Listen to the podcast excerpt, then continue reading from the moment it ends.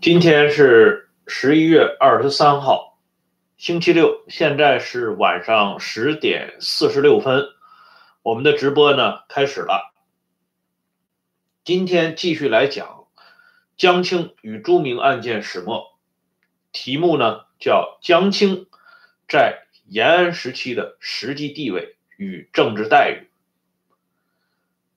在昨天的节目结束以后，有一位网友曾经问我说：“既然朱明那么留恋国统区，对蒋介石又有那么不错的印象，那么他为什么要投奔到延安参加共产革命呢？”关于这一点，在昨天的节目就是《党史杂谈》第一百二十二期江青与朱明案件的第十期。里边呢，Dark 先生有一个回复，我建议大家去看一下 Dark 的回复。Dark 先生的这个回复呢，基本上回应了刚才我提出的那个网友心中的疑惑。这里呢，我针对 Dark 先生的回复做一点小小的补充。凡是左翼革命或者叫左派运动，无论是发动者还是参加者，都夹杂了大量的私心和私利。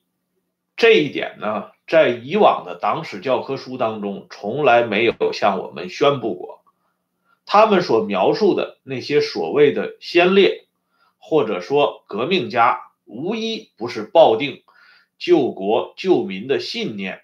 忘我的进行着奋斗，但这只是问题的一个方面。问题的另外一个方面，如果从他们的出身、从他们从他们早期的境遇，包括他们内心存在的巨大的阴影这几条来考量的话，他们内心的私心杂念一点不比别人少，甚至比别人还要强烈。我们就来举一下朱明的这个例子，朱明。在被洗脑的过程当中，他始终承认一点，那就是说，他相当羡慕像林伯渠、周恩来、王明这些共产党内的大干部。为什么呢？这些人出入有汽车坐，然后可以住在公馆、住在饭店，冠冕堂皇的与诸多的。拥戴者进行交谈，与各界社会名流进行沟通往还，这是朱明非常羡慕的事情。而我们之前的节目中也强调一点：朱明是出身在一个破落的富裕家庭当中啊。既然是破落的，他与一般普通平民对这个社会上发生的这种。实质性的翻天覆地的变化，更有铭心刻骨的认识。所以把这一点同他羡慕林伯渠、王明、周恩来这些人的出入行止来进行比较的话，我们就知道朱明到延安还有一层不易轻易显露出的个人痕迹啊。这一点事实上从他后来。同林伯渠结婚，也很能说明问题。包括他成为中央政治局委员、中央人民政府秘书长林伯渠的夫人之后的所作所为，一些关键细节上的表现，我们也就能够看到朱明当初信誓旦旦的迈进革命洪流中，在他脑际间所闪存的思念。到底是什么？当然，仍然我们不愿意啊，把这个事情呢说的过于绝对化，因为仅仅是出于思念的话，朱明呢完全可以选择另外一条路，因为走向延安这条路，毕竟在当时。尽管是充满了浪漫和理想，具体走起来呢，却不是那么容易。所以说他没有一定的信念的支持，那是说不过去的，并且朱明这个人，具体到朱明这个人，这个人的心地呢，相对来说，至少在一九三九年到一九四五年之间，这个人的心地还是比较纯然的，相对比较单纯，因为他还没有经历过那种世故的洗礼，还没有完全。脱胎换骨，自觉成为官僚政治集团中坚定的一员，这也就是为什么他能够面对张如新，像竹筒倒豆子一样，把自己内心的所有繁杂的东西通通的说了出来。他在同张如新交流过程中呢，谈了很多关于江青的传闻。张如新呢，应该说，一方面。对朱明进行教育，啊，希望朱明收起这些私心杂念，把一颗红心呢，永远冲着革命队伍，冲着这场如火如荼的整风运动，认真的在运动中改造自己。但另外一方面呢，张如新对朱明所描述的关于江青的事情呢，也没有刻意的回避。这一点呢，应该说，张如新在某种程度上与朱明产生了些许共鸣。为什么这么说呢？因为张如新本人，我们前面说过，他是从一九四一年开始给毛泽东做过一年多时间的秘书工作，他是接触过江青的。张如新。虽然是半吊子啊理论家，但是好歹是知识分子出身。他的这种知识分子的本色呢，就让张如新看不惯江青的种种做法。尤其是在那个革命初起的阶段，当时延安是属于割据时期，大家还没有成事儿，所以这个阶级和等级。尽管呢也比较啊森严，可是毕竟没有那么泾渭分明。而江青呢，这么一个三十年代中后期才跑到延安的这么一个可以说是来路不甚分明的女性，只是因为嫁给了毛泽东，就在这些人面前颐指气使、指手画脚，所以让张如新呢。心里也是非常非常不满意的。我们可以回顾一下，在毛身边的这几个大牌的知识分子，陈伯达、胡乔木、田家英，他跟江青都处不来啊，特别是陈伯达和田家英啊，他们对江青的印象相当糟糕。这样呢，我们就可以看一下毛身边的这几个主要的从事秘书工作的人，或者说主要从事勤务工作的人员当中，其实还真就是汪东兴、张耀祠啊，跟江青的关系呢相对比较和谐。这不等于说汪东兴看不明白江青是怎么回事，只是汪东兴这个人呢，脑筋非常清楚。啊，在这里呢，我可以提前给大家看一份材料，这是李义民回忆录。李义民是原来《解放军报》的总编辑，他在回忆录当中呢说过这样一一段话，他说，在文化大革命当中，中央警卫团团长张耀祠投靠了四人帮。杨德忠啊，就是政委杨德忠，始终没有变。主席逝世以后，汪东兴把杨德忠下放到吕梁军分区当政委，自己兼警卫团政委。汪东兴的老婆任副政委。这是李益民对汪东兴和张耀祠之于四人帮之间的关系的一个真实的描述。这本书呢是公开出版物。这个书名呢，还是胡耀邦给题写的。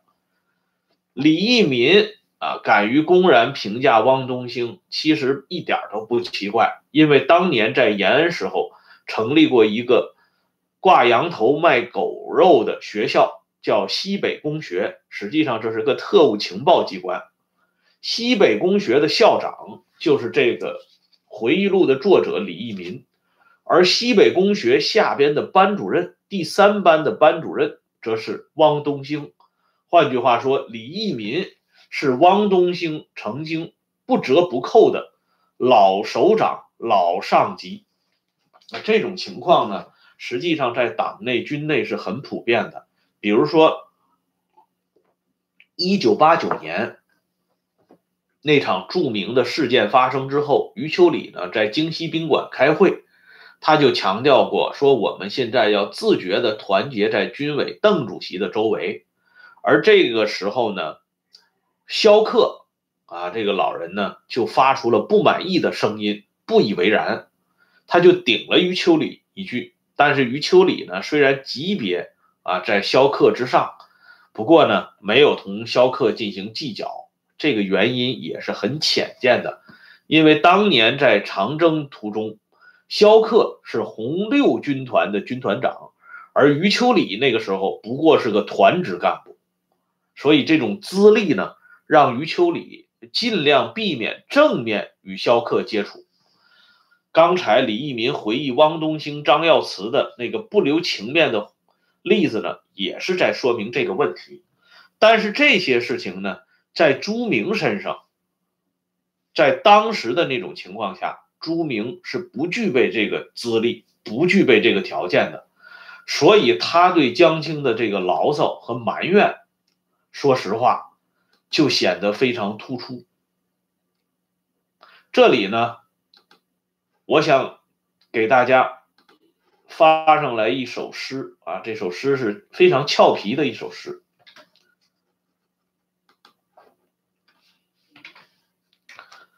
这是曾国藩幕府中人，叫李弘毅啊，别号梅清，李梅清的一个作品啊。曼妙峨眉侧，红蓝大顶旁，耳心都不动，只想见中堂。用这首诗来形容诸多的青年左派被卷入这场革命洪流的本心中的一散念啊，可以说是恰如其分。耳心都不动，只想见中堂。这个中堂就是高级领导人。这种心思呢，不仅存在在江青的身上，也同样存在在朱明这些人的身上。可是朱明不知道啊，在一九四三年的时候，作为中央军委总卫生处处长，曾经两度兼任。中央医院院长的傅连璋已经对下级做过具体的交代。什么交代呢？就是关于江青同志生病期间的治疗待遇问题。我们要知道，在党内最看重的就是一个待遇啊，这个待遇可以解释。你的资历、你的能力、你的背景、你的前途、你的家庭，甚至你的身后，很多人一辈子争来争去，争到最后就是什么人来主持他的追悼会，什么人来致悼词，身体上有没有覆盖共产党党旗？比如说丁玲后家属就在这个问题上进行纠缠。啊，有没有覆盖中国共产党党旗？在当时呢，受到周扬、夏衍这些人的阻挠，丁玲这么一个老革命呢，居然没有覆盖党旗。最后呢，呃，覆盖了一面啊，北大荒人给制作的一面红旗啊，最终草草了事。傅连璋做的这个规定是什么呢？一九四三年春夏之交。孙维岳啊，在傅连璋身边工作的工作人员孙维岳做过一个具体的回忆。傅连璋对孙维岳亲口做了交代，他说：“陈云、凯丰王稼祥三位首长都有病，我们组织了一个医疗组对他们进行治疗带呃治疗检查，你去配合工作。陈云和稼祥同志啊，有些低温热，需要进一步检查，做常规护理。同时，傅连璋也说到，江青身体也不好啊，宜做常规护理。傅连璋轻描淡写的这一句“江青身体也不好，宜做常规护理”，和我们刚才说到的三位首长。陈云、王稼祥、凯丰，这么一连接，这里边的内容就非常清晰了。这段回忆，孙维岳的这个回忆，还是出现在这本《白衣战士的光辉》篇章当中。那么我们现在呢，就给大家来具体的看一下这三位首长当中的王稼祥。王稼祥年谱。官方修订的王稼祥年谱当中，是这么向我们描述王稼祥当时的实际地位的。王稼祥在一九四一年八月二十七号出席的中共中央政治局会议上，被任命为中央书记处工作会议成员。这个中共中央书记处工作会议是什么概念呢？是指在中共七大召开以前，为增强中央工作效能起见，每周一次政治局会议之外，以住在杨家岭的中央政治局委员毛泽东、王稼祥、任弼时、张闻天、王明、陈云、凯丰七人组成中央书记处工作会议。可见这场中央这个。中央书记处会议就是一九四三年以前的中央书记处的另外一个版本，而参加书记处会议当中的七个人是按照名次严格排列的，毛泽东在第一位，王稼祥在第二位，任弼时在第三位，而当时名义上是中共中央总负责的张闻天只排到了第五位。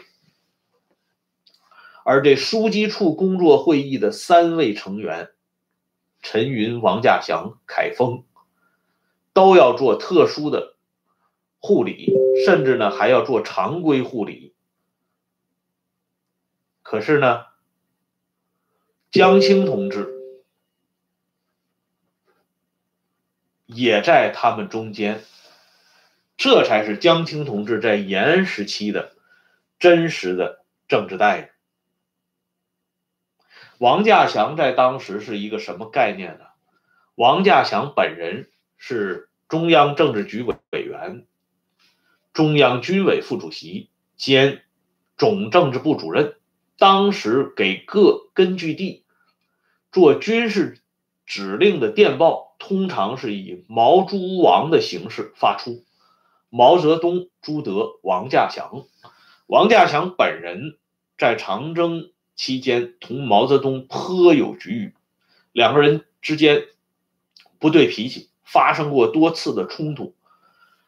靠张闻天进行调解啊，毛泽东和王稼祥的关系呢才和缓下来。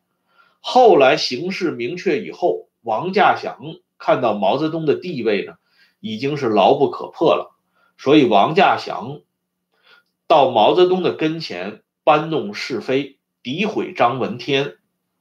反咬张闻天一口，这件事情呢，在张闻天一九四三年以后写的《整封笔记》，就是我的反省当中呢有所体现。张闻天是厚道人，他不愿意把这件事情呢进行过分的渲染，但是后人在考证历史的时候，发现了王稼祥这不为人知的另一面。王稼祥还有一项。厉害之处，在一九四三年春夏之交，王稼祥身体出现问题。这个时候呢，就像傅连璋交代的那样，对王稼祥呢进行常规护理和特殊照顾。而在这个时间，王稼祥和江青有了进一步的接触。啊，两者之间呢，啊，加深了彼此之间的了解，这个关系呢，迅速升温，以至于到后来发生什么情况呢？就是毛泽东和江青之间发生争吵，江青大发脾气啊，大发雷霆，这点是很厉害的。江青冲毛泽东大发雷霆，雷霆震怒到什么程度呢？江青把桌子上的茶杯直接摔到毛泽东的面前，茶杯摔得粉碎，结果吓得这些警卫员、勤务员们是大惊失色呀，就是没有办法，所以只好去搬请救兵。搬来的救兵是谁呢？就是王稼祥。也就是说，王稼祥可以进到毛的窑洞里调解毛泽东和江青之间的纠纷，可见王稼祥当时的地位是什么样的。而江青，我们都知道，这个江青呢，在当时实际上没有任何的政治头衔可是他的政治待遇已经比同于陈云、凯丰和王稼祥。由此，我们可以想到一点，这就是谢觉斋老人在他的日记当中感慨的：一九四六年。谢觉斋在他的日记七月二十八号这一天的日记当中，谢觉斋说了这么一句话：“违反决定的，每是参加决定的人；犯法的是有势力的人。”谢觉斋老人说出这番话不是没来由的，虽然他的这番话是针对西北局，针对高岗。可是高岗是什么人扶植上来的呢？而这句话对于当时党内出现的这种特权现象，又说明了什么问题呢？想来大家自行会有一定的思考。我在这里呢，就不再做过分的渲染。江青的这个实际地位，事实上，对于朱明来说，那真的是洞若观火呀。因为朱明的这些消息呢，是来自于中央医院后来又办起来的一个助产学校。这个助产学校呢，主要是为了考虑到高级领导干部在延安工作期间因生活上的需要，纷纷组建新的家庭。组建新的家庭之后呢，就要诞育新的生命，这样呢，中央医院原有的人手和培训就已经跟不上了。因此，中共中央决定在中央医院下边再办一个助产学校，培养大批经验娴熟的助产士，减少高级领导干部和高级领导干部配偶的生理上的痛苦。啊，这是相当人道的啊！当然了，这主要是针对高级领导干部，因为高级领导干部对于党和人民来说，无疑是最重要的。这个助产学校呢，集中了大量的年轻人啊，这些年轻人呢，当然都是年轻女性了。这些年轻女性当中呢，有一位四十多岁的老大姐。她的名字呢叫高志珍，这位高大姐呢是助产学校的领导。助产学校住的都是这些未婚的姑娘啊。这个时候呢，有当事人就回忆说，有时就有不三不四的男人上山来找朋友，结果呢都被高大姐婉言挡驾了。这个回忆当中没有向我们介绍这些不三不四的人都是谁。要知道，这助产学校在延安当时是大名鼎鼎的保密机关呢，哎，不是对外直接，呃，可以进行随便交通和沟通的。那么不三不四的这些人是怎么找到这个助产学校？怎么又要同这些未婚的啊候补的助产士们进行联络呢？接下来的一幕呢，就更有意思了。在寒冬降临的时候，高志珍就刚才我们提到的这位高大姐啊，被杀害了。做医检的法医得出的结论是这样说的：他说，从检查来看，死者高志珍生前与敌人做了顽强的搏斗，全身多处伤痕，最后对他进行强暴，并用绳子将其勒死。凶手是撬开窑洞的窗户进来的，惨无人道。我们一定要捉拿凶手。这凶手呢，到最后也没有抓到。啊，高志珍大姐呢，可以说是死不瞑目啊。而且这个高志珍为什么死，到今天都是个谜啊。由此呢，我们也可以看到这个助产学校在当时是多么的引人注目啊，以至于让这些不三不四的人都跑了进来。这助产学校的助产士们呢，闲暇之际呢，就要传一些闲话啊。他们和中央医院的护士们都很熟。这些闲话呢，就传到了朱明的耳朵里。朱明就通过他的嘴巴，表达出对江青的这些行为的不满。朱明特别提到江青在起居上边的一些豪奢的举动啊，当然这些豪奢的举动在今天看来根本不算什么事儿啊，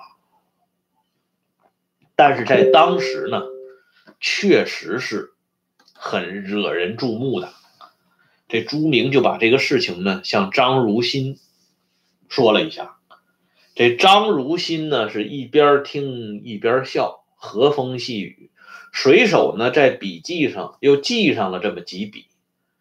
张如新和朱明都没有想到的是，张如新在笔记本上随手记的这几笔，啊，给他们后来各自的命运带来了什么样的变化？